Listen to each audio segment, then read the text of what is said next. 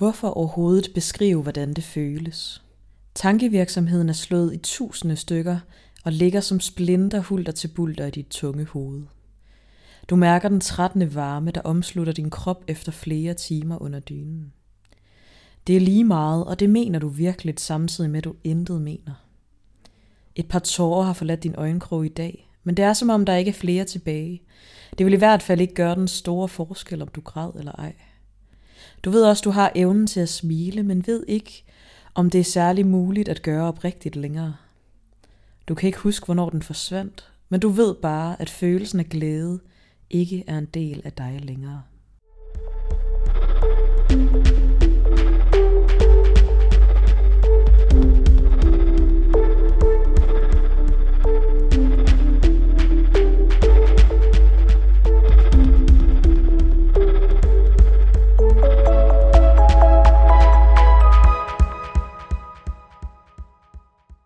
Hej og velkommen til Sidestik. Mit navn det er Digte. Og mit navn det er Sara.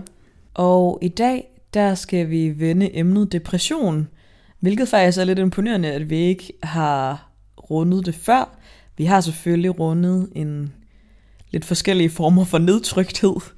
Øhm, men i dag der vil vi simpelthen fokusere på depression, fordi at vi synes, der er meget tabu omkring generelt dit psykiske helbred, og især også psykiske sygdomme, som depression er, og faktisk er det 3-5% af befolkningen, der har en depression lige nu, hvilket er ret mange, så derfor er det også noget, vi alle sammen på en eller anden måde støder på i løbet af vores liv. Enten kender vi nogen, eller også oplever vi det selv.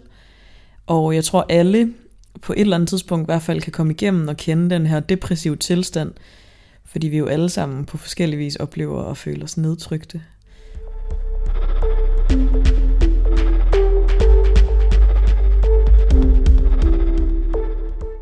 En depression er en psykisk sygdom, og det viser sig ved, at man er vedvarende nedtrykt, har nedsat lyst og interesse og nedsat energi og er mere træt end normalt. Og som sagt er det 3-5% af den danske befolkning, der har en, en depression. Og hvis man har en moderat til svær depression, så kan det også behandles med medicin. Og man, man behandler også øh, moderat depression tit ved forskellige former for psykoterapi. Det kan være, at man går til psykolog, eller noget gruppeterapi, eller forskellige former for terapi i, i kombination med medicin også nogle gange. Og langt de fleste mennesker kommer heldigvis af med deres depression igen. Og desværre, hvis man har haft, sin, haft en depression, så er der øget risiko for senere at få depressioner i sit liv. Ja, og det skal siges, at i hvert fald et godt pejlemærke er, at hvis du har følt dig nedtrykt, eller har haft den her ugidelige følelse, øhm, og hvad keder det i mere end to uger, så er det med at søge lægehjælp fordi man arbejder ja, med de her to ugers intervaller, kan man sige. Som Sara hun nævnte, så skal man have oplevet at gå med nogle symptomer i, i to uger mindst, for at man ligesom begynder at karakterisere det som en depression. Og kernesymptomerne er ligesom, at man kan føle sig nedtrykt, eller have nedsat lyst eller interesse, og nedsat energi, eller øget tendens til at blive træt.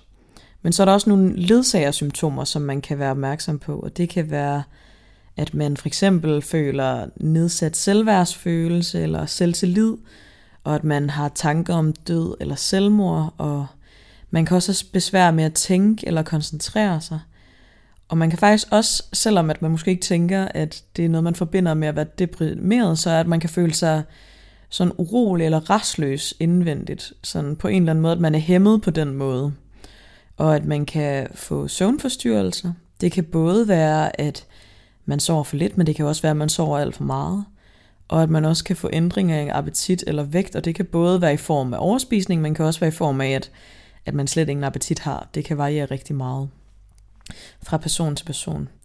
Men det er i hvert fald at være opmærksom på både kernesymptomerne og ledsagersymptomerne. Der kan være forskellige årsager til, at man får en depression. Det kan være, at man faktisk har en medfødt arvelig sårbarhed, og det kan være, have noget at gøre med, hvordan din gensammensætning er i forhold til bindingen af det stof, der hedder serotonin, hvilket gør, at du kan reagere forskelligt på stressende begivenheder, der sker i dit liv. Og det kan for eksempel være, at du bliver fyret fra dit arbejde og derved får en depression.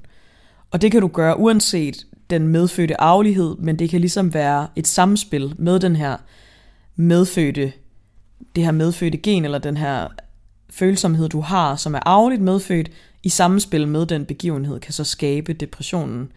Et andet biologisk forhold kunne også være det kendte fænomen vinterdepression, som mange oplever. Og det er jo også det der med, at man får, ikke får det sollys, man har brug for. Det kan også være, at man har et lavt stofskifte, som også tit kan medføre, at man er mere træt, og derved også får den her energiforladte følelse, og derved også kan få depression ved det.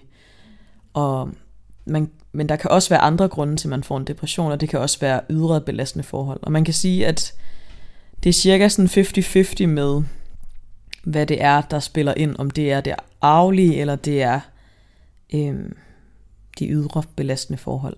Og altså generelt, hvis man også personligt har en tendens til at være ængstelig og bekymret, så er der også øget chance for, at man får en depression, fordi det jo tit er af den slags følelser, at depressionen kan udspringe af. Selvfølgelig ikke, hvis man bekymrer sig en gang imellem, men som er meget sundt, og alle mennesker bør gøre, men, men det er det her med, hvis noget bliver vedvarende og en tyngde, så kan en depression ligesom udspringe af det generelt.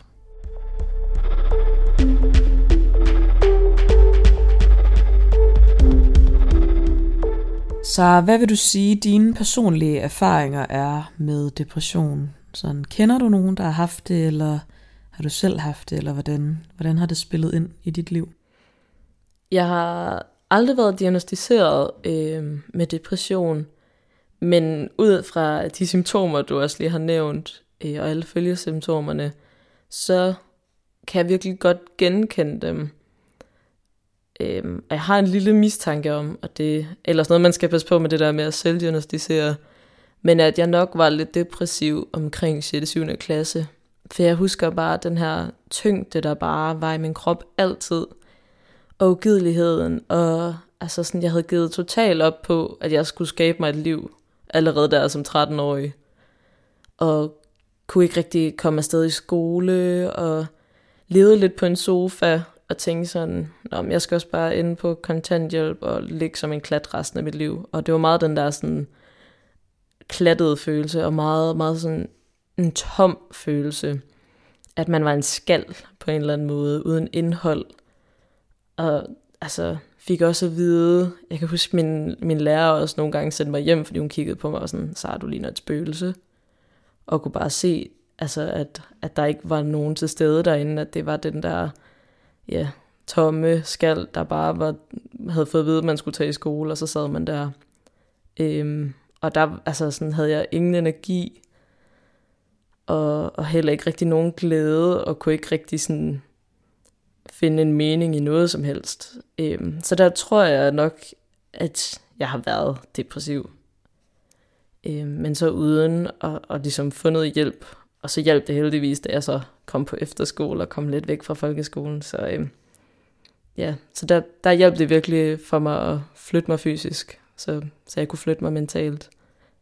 Øhm, men derudover, så øhm, har jeg en, en veninde, som jeg har fulgt igennem hendes depression. Øhm, og tror egentlig altid, at, at jeg har været meget åben for snakken om depression, så jeg har alligevel altså hørt om, okay, nu har folk fået så og så mange milligram, og nu skal de til at trappe op, eller de skal til at trappe ned. Og, altså, har egentlig, tror jeg, været god til at følge med i, i de relationer, jeg har haft, hvor der har været en depression indover. Øhm, så jeg kender sådan lidt til, hvordan et forløb kan se ud. Også øh, i led med, at jeg går i noget gruppeterapi nu over Zoom, øhm, hvor at en stor del af de unge mennesker, jeg, jeg er i gruppeterapi med, der også lider af en depression, øh, så får jeg ligesom indblik i, hvordan deres hverdag hænger sammen, og hvordan det ligesom hæmmer dem, den her depression, og også hvordan de arbejder med den og takler den, og ja, lige netop, hvad for nogle følelser, der dominerer hos dem. Øhm, så på den måde føler jeg, at jeg har været i okay nærkontakt med depression, og har en okay forståelse for, hvad der ligesom gør sig gældende.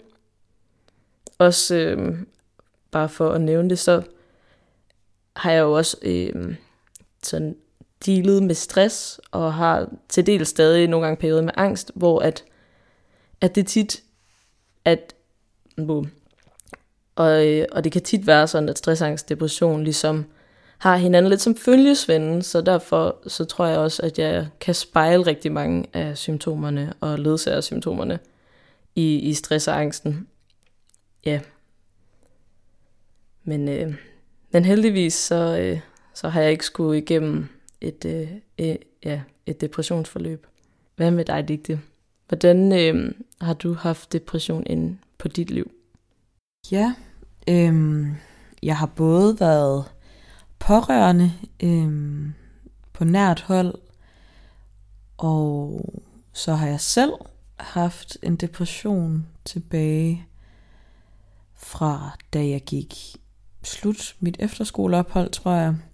Mest da jeg startede i gymnasiet, jeg tror det var der det for alvor startede, og så havde jeg det faktisk, jeg tror jeg samlet set havde det nok sådan et godt halvandet års tid-agtigt havde jeg en depression. Øhm, og har været på medicin imod det. Både det, det, var, det var sådan lidt kombineret angst og øh, depressionsmiddel, eller hvad man siger, medicin jeg var på. Fordi jeg ligesom fik diagnostiseret begge dele på samme tid. Øhm, sådan at jeg havde en depression med angstsymptomer ved siden af, agtigt. Øhm, og ja, fik det som en belastningsreaktion på nogle oplevelser, jeg havde, da jeg var yngre. Og øhm, det er meget sådan specielt at snakke om depression, fordi det er noget, jeg ikke kan relatere til. Sær, altså sådan, jeg kan ikke følelsesmæssigt relatere til det, medmindre jeg står midt i det, eller sådan, fordi at det er så altopslugende den mentale tilstand. Øhm, og jeg vil også sige, at dengang jeg havde det, at jeg tabede lidt ud og ind af det, selvfølgelig. Altså sådan, for jeg var ikke ulykkelig konstant, men, men jeg havde virkelig mistet sådan, min generelle glæde ved ting var forsvundet. Øhm, da jeg gik i slut 1. G, der fik jeg tildelt en kontaktperson, øhm, som er noget, du kan få, hvis du er under 18, som jeg var på det tidspunkt som skulle ligesom hjælpe mig, og hun, øh, da jeg havde fået det bedre, der læste hun min, min sådan tekst omkring mig højt for mig. Og sådan hendes observationer efter hvert møde, som hun jo skal skrive ned og forskellige ting. Og jeg vil ikke sige, at hun mødte mig der, hvor jeg havde det værst. Jeg havde det klart værst i start 1. G. Øhm, men altså, der hvor hun Altså sådan, den beskrivelse er virkelig skræmmende. Altså sådan, hun beskrev mig virkelig sådan som et spøgelse. At hun synes, altså sådan, at hver gang jeg så hende, der var jeg bare, der var ikke noget, der fyldte, udover at jeg var bange. Det var sådan det, der kunne fylde, men ellers så var jeg bare ligeglad.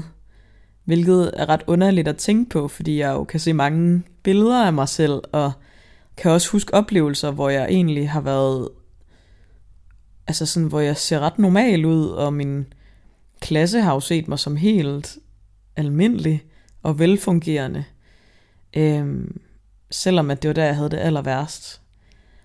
Og det tror jeg sådan er ret sigende for depressioner. Og især hvis man er ret langt ude øhm, med det. Øhm, jeg har en gang været et sted, hvor jeg nok var relativt tæt på at gøre en ende på det hele. Øhm, og i den periode, hvor jeg deprimeret, også har skåret lidt i mig selv nogle gange. Øhm, og det, jeg synes, der er det mest skræmmende ved at tænke tilbage på det, det er, at, at to timer inden jeg stod i den, altså stod der og tænkte på at ende det hele, så gik jeg en tur med nogen ind i byen. Altså du ved sådan, hvor ingen kunne mærke, at der var noget galt. Altså jeg tror, det er det, der er så vildt, det er det der med, at nogle af dem, der har det dårligst, er også nogle af dem, der er bedst til at skjule det.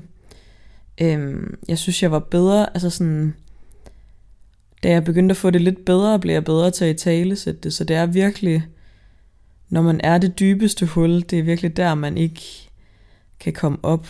Og jeg havde også rigtig meget fravær i gymnasiet, fordi at jeg ikke kunne komme op om morgenen. Altså jeg havde lidt det der klassiske problem, man nok forbinder med depression. Øhm, også fordi jeg, jeg fik sådan lidt stress af, at nogen forventede noget af mig, for jeg kunne ikke sådan... Jeg, jeg kunne ikke indfri ting, hvis det ikke var mit schedule, eller sådan, hvis det ikke var efter mit hoved på en eller anden måde. Øhm, og klarede mig stadig ret fint i gymnasiet i forhold til, at jeg havde det, som jeg havde det. Øhm, og faktisk da det hele egentlig begyndte at blive bedre, så kom jeg så på, eller jeg i hvert fald, jeg stod lidt i en skillevej, hvor at, at hele mit grundlag lidt var blevet reddet væk under mig, men jeg vidste, at inderst inden vidste jeg godt, at det hele nok skulle vende til noget bedre, fordi det var der, jeg var, jeg var i hvert fald klar til at handle der, som jeg ikke havde været før. Øhm, og der gik jeg til skolepsykolog, og jeg gik til psykiater, og jeg gik til studievejleder, øh, og jeg gik til min kontaktperson. Så jeg gik til fire forskellige ting om ugen, der ligesom var noget, jeg skulle arbejde med mig selv. Og det var så der, jeg kom på antidepressiv medicin, øh, som også var mod angst, og det var jeg så på et halvt års tid, og havde nogle bivirkninger ved det, men og, og samtidig handlede jeg også rigtig meget, og så fik jeg det så bedre. Og jeg tror sådan, det jeg kan genkende fra det i dag, som gør, at jeg sådan i glimt kan relatere til det, det er øhm, også det der med at nævne, at når man har haft en depression før, så har man øget risiko for at få det igen. Det kan jeg på en eller anden måde godt genkende i den forstand, at, at jeg, altså, jeg kan godt i momenter tabe ind i den samme følelse, øhm, som jeg kender. Fordi at selvom at det er en skrækkelig følelse, så er den velkendt, fordi jeg har været, altså sådan, man har været i den så længe. Øhm, så på den måde kan jeg godt se det der tilbagefald kan opstå. Øhm, men heldigvis føler jeg mig relativt godt på afstand af det, fordi at jeg jo altså, er på ingen måde selvmordstruet, og ved godt, at altså selv når jeg er i de der momenter, så fordi jeg har oplevet, at det hele vendte til noget bedre, ved at jeg aktivt gjorde ting, for at det gjorde endt med noget bedre, så kan jeg også godt lidt underbevidst sige det til mig selv, når jeg får den følelse, og være sådan, okay, men det bliver jo bedre. Og det ved du godt, men lige nu skal du give dig selv lov til at føle, fordi det hjælper ikke noget at sige til nogen, der er sygt deprimeret, at det bliver bedre på den anden side, fordi det har de ikke mærket, at de har brug for at mærke det selv. Sådan er det jo med alt, at man har brug for at mærke det på egen krop, og man kan ikke bare tage et råd ind, uden at, uden at være klar til at følge rådet i hvert fald. Ja, så det tror jeg var lidt om, om mig og depression.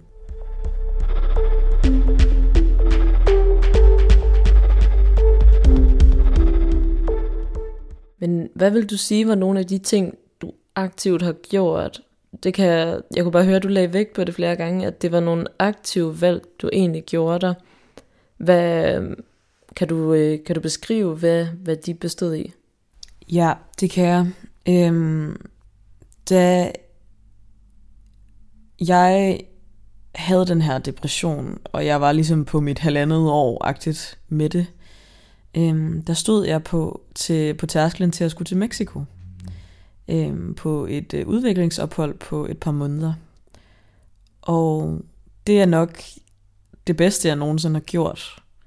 Det var at tage derhen og, og forvente mit liv op og ned og få et helt andet fokus og komme væk fra alting og se ting lidt mere udefra, for det gjorde, at, at jeg vidste, der var nogle ting, der skulle brydes øhm, på mange forskellige måder. Øhm, jeg har haft utrolig meget støtte i min omgangskreds, men jeg kunne også mærke, at der var nogle ting, hvor jeg skulle lære at stå på egne ben. Så da jeg kom tilbage, brød jeg ligesom med det mønster, hvilket var virkelig hårdt og gjorde mig utrolig angst og ubehageligt tilpas i starten, fordi at jeg, at jeg skulle lære at finde den styrke og ro i mig selv, som jeg slet ikke følte, jeg havde. Øhm, jeg fik min depression i sin tid, fordi at den familiestruktur, jeg har været en del af, har ikke været den klassiske, som andre har. Og det er ikke noget, jeg sådan har lyst til at komme ind på i detaljer, hvordan det helt præcist spiller sig ud. Men, men det var også, er også grunden til, at jeg fik depression og angst. Og da jeg kom hjem fra Mexico, der vidste jeg ligesom, at jeg skulle gøre op med det her, fordi jeg havde en rigtig dejlig kæreste på det tidspunkt. Og hans familie var en utrolig stor støtte for mig i det, fordi at jeg ligesom fik det der hjem, jeg altid havde manglet, men, men jeg vidste også inderst inden, at jeg havde brug for at finde roen i mig selv og skabe min egen familie, som er min. Fordi jeg blev også utrolig ulykkelig ved at blive konfronteret ved andres familier, der var så velfungerende.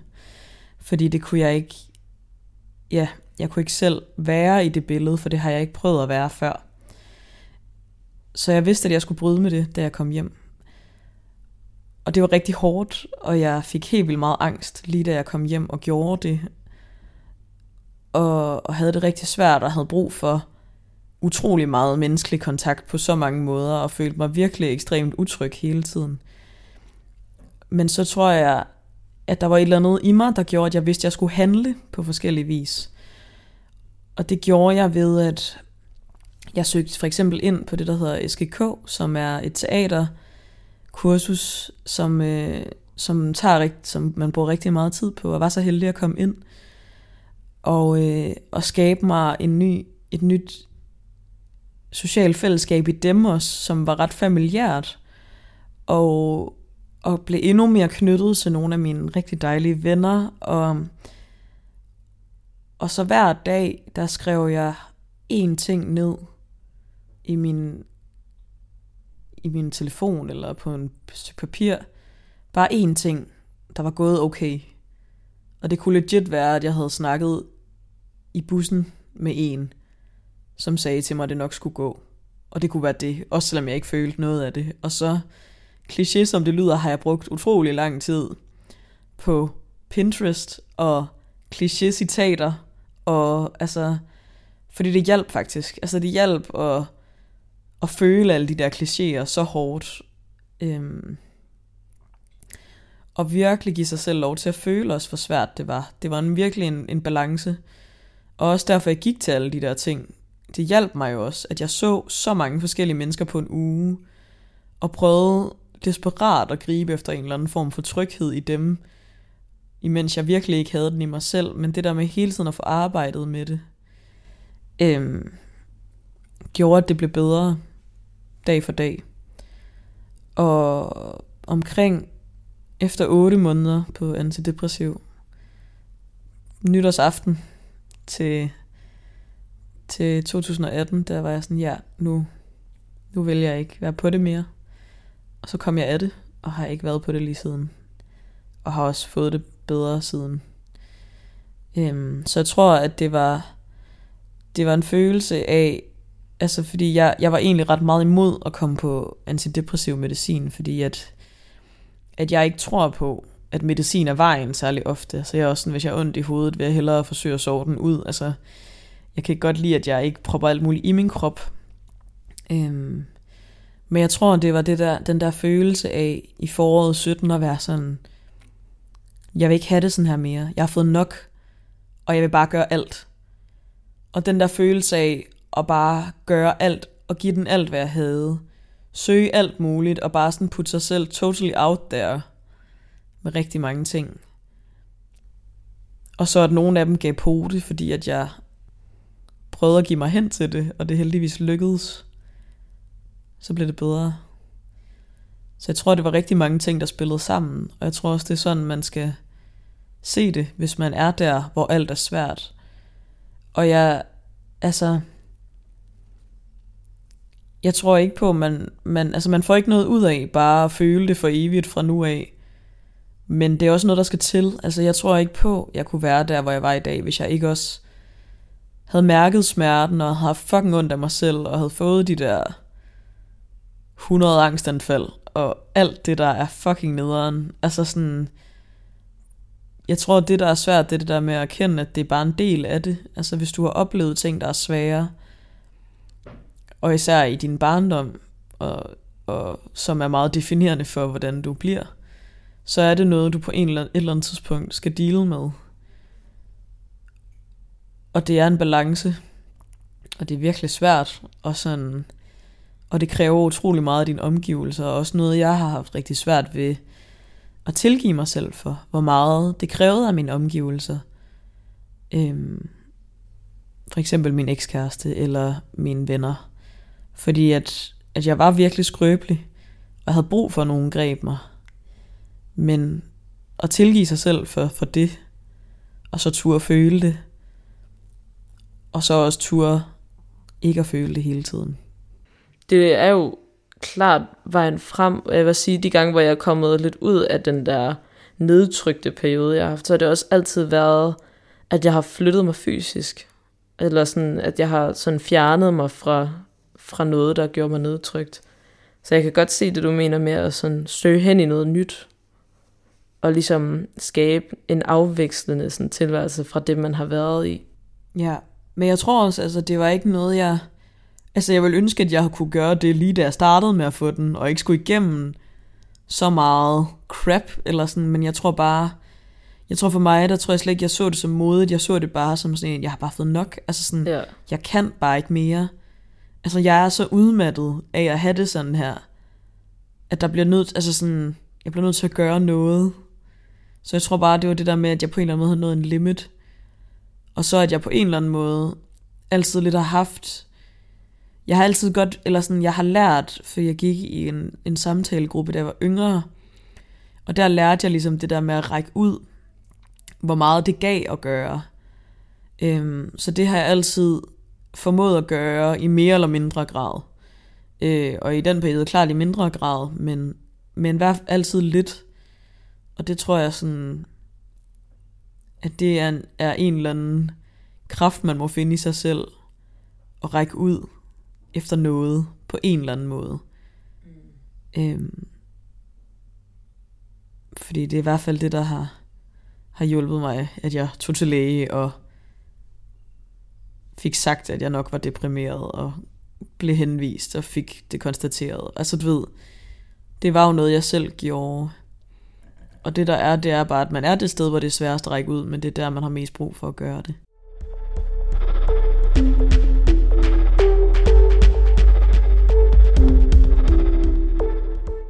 Jeg kan i hvert fald godt genkende, at jeg nok ikke helt har lært på samme måde at række ud. Altså, jeg synes, det er enormt svært, og jeg vil sige, du har lært mig at gøre det i, i højere grad, fordi at det lige netop er så givende. Så fat mod derude, hvis, hvis det hele er lidt svært, og så bare virkelig prøv at række ud. Altså, jeg, jeg synes bare, det er så svært. Jeg synes, det er sådan, er virkelig fedt, at det har været så altså stort et behov, når man når det der limit med sådan, okay, nu fuck det hele, nu skal der ske et eller andet, og man bare når grænsen for, at nu kan man ikke have det sådan mere. Men jeg tror stadig, altså jeg har virkelig sådan en iboende svært ved at række ud, svært ved at finde ud af, hvad mine behov er, og, og lægge det over på andre. Øhm, men, men kæmpe varm anbefaling, altså sådan, fordi at det hjælper. Jeg vil også sige, at, at det har hjulpet meget at bare prøve at sådan komme derhen, hvor man, man rækker ud til folk. Virkelig, virkelig svært, altså sådan for, ja, hvis man er ligesom mig. Men virkelig det værd. Ja. Og det er jo heller ikke, fordi jeg har det nemt med det, eller sådan, jeg tror bare, at jeg ved, jeg, jeg er bedre til at række ud til sådan instanser, altså Mm. sådan, som lægen, eller, eller jeg har brug for den her kontaktperson, og så fik jeg min venindes mor til at hjælpe mig. Sådan nogle ting. Ja. Fordi jeg ved, der skal ske noget. Fordi jeg godt kan se, når noget er galt, eller sådan, at sådan her burde jeg ikke have det, eller sådan, Mm.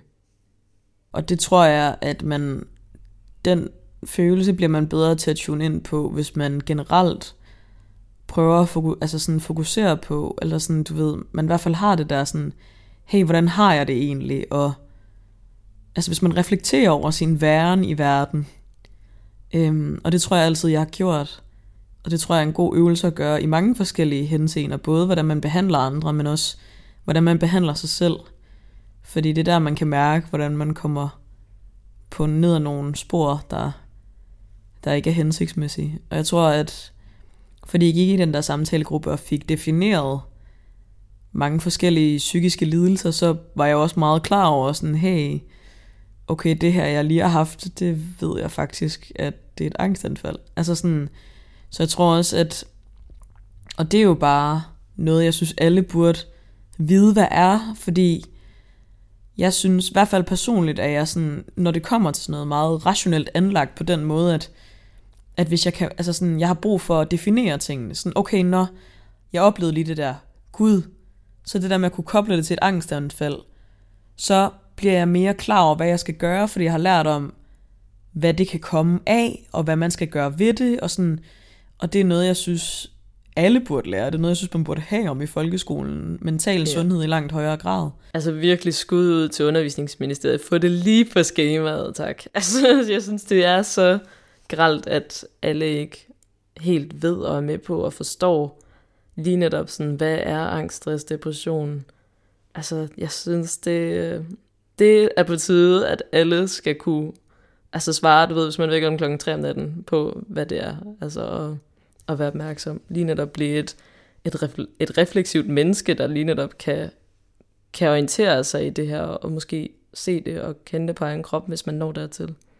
Altså, jeg kunne ikke være mere enig. Ja.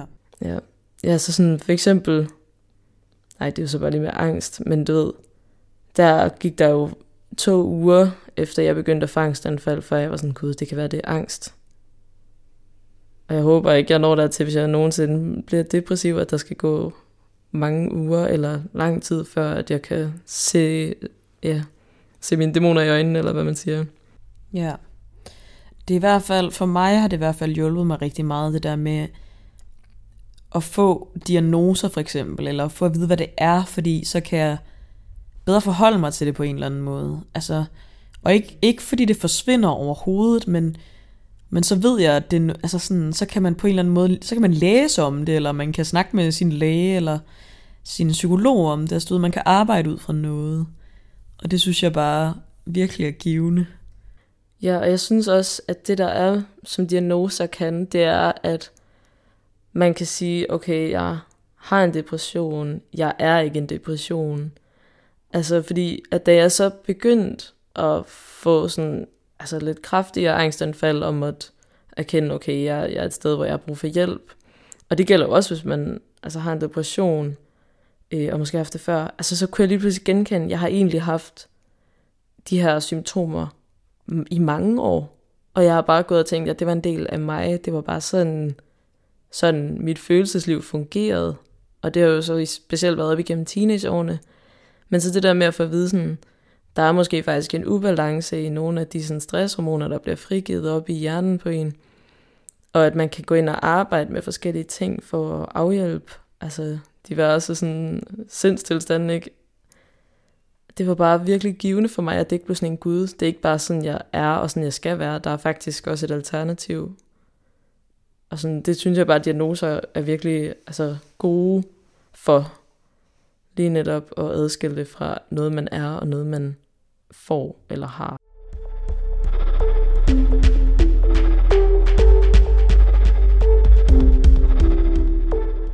For mig er det vigtigste, altså sådan, er det bare nogle vigtige budskaber, det der med, at, at lægge mærke til, hvordan du selv har det, og i tale sætte, eller på en eller anden måde gribe ud. Og hvis du er under 18 år, så er mulighederne typisk lidt bedre for dig, hvis du skal have hjælp, fordi der er lidt mere, altså sådan, der er flere gratis muligheder. Og i Aarhus, der har jeg for eksempel noget, der hedder Ungdomscenteret, som var det, jeg kontaktede, øhm, og fik den her kontaktperson. Øh, og så kunne jeg få, have den her kontaktperson helt frem til at blive 23 faktisk, hvis behovet er der.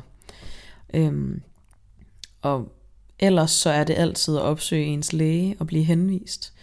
Hvis man er under 25, så er det i 2021 finansloven vedtaget, at alle under 25, øhm, mellem 18 og 25, at de skal have adgang til gratis psykologhjælp, hvis de lider af let til moderat angst eller let til moderat depression. Så, øhm, så hvis du ligesom tager til lægen og kan få det her diagnostiseret, eller få det her afklaret på en eller anden måde, så er der helt sikkert en eller anden form for hjælp at hente. Øhm, også Psykiatrifonden.dk har også nogle rigtig fine muligheder, hvis man synes, det er grænseoverskridende at møde op og skulle tale med nogen lige som det første. Så har de forskellige chats og forskellige grupper over Zoom, og endelig tjek det ud. Øhm, vi linker til det i vores øh, afsnitbeskrivelse. Og en anden ting, som vi også vil anbefale, som, øh, er, som kan være god faktisk til at forklare det på sådan en lidt... Øh, på en fed måde. Det er faktisk Big Mouth, øhm, som er en Netflix-lavet serie, som har nogle afsnit, der handler om den her Depression Cat, Depression Kitty, øhm, hvor det er en, øh, hvor altså det er jo, konceptet er, at det er nogle unge, som har de her hormonmonstre, som ligesom beskriver, hvordan det er at komme i teenagealderen. Og så er der den her depressionskat, som, øh, som dukker op, når at de oplever den der følelse af at blive deprimeret, som jo tit er noget, man bliver konfronteret med i sin tidlige teenageår på den ene eller den anden måde. Og den beskriver det nemlig rigtig fint, øhm, fordi at, at det der kan være med at føle sig depressiv, selvom at det er utrolig hårdt og utrolig svært at tage vildt meget på ens energi, så kan det også blive sådan en, en tryghed, man omsvøber sig i, fordi man skal jo bare blive her under dynen og tage en lur eller se en serie, eller du, du ved, der skal ikke, du skal ikke gøre noget, der er ikke nogen, der, altså sådan, du kan bedst lide at være i den boble, hvor ingen kræver noget af dig. Øhm, selvom at, at det er en ond spiral, er det måske ikke noget, man nødvendigvis er opmærksom på, fordi at det kan føles så intuitivt og rart jo bare at blive liggende under dynen, øhm, som kan være der, hvor depressionen starter. Og øhm, den synes vi er en rigtig fin serie, så den vil vi rigtig gerne anbefale. Ja, og så også bare de helt gode generelle råd med så for at få noget god lækker mad at spise, der giver dig næring nok til kroppen, og kom ud, bare udenfor hver dag helst. Det giver meget mere, end man tror, og sådan noget som motion kan også være øh, en god vej til at, at lige netop få, få frigivet nogle endorfiner, og måske noget dopamin, hvis man er heldig, og lige netop ja, prøve at, at mærke sin krop på en anden måde. Ja. Det var det sidestik for denne gang, og dine værter var Digte og Sara.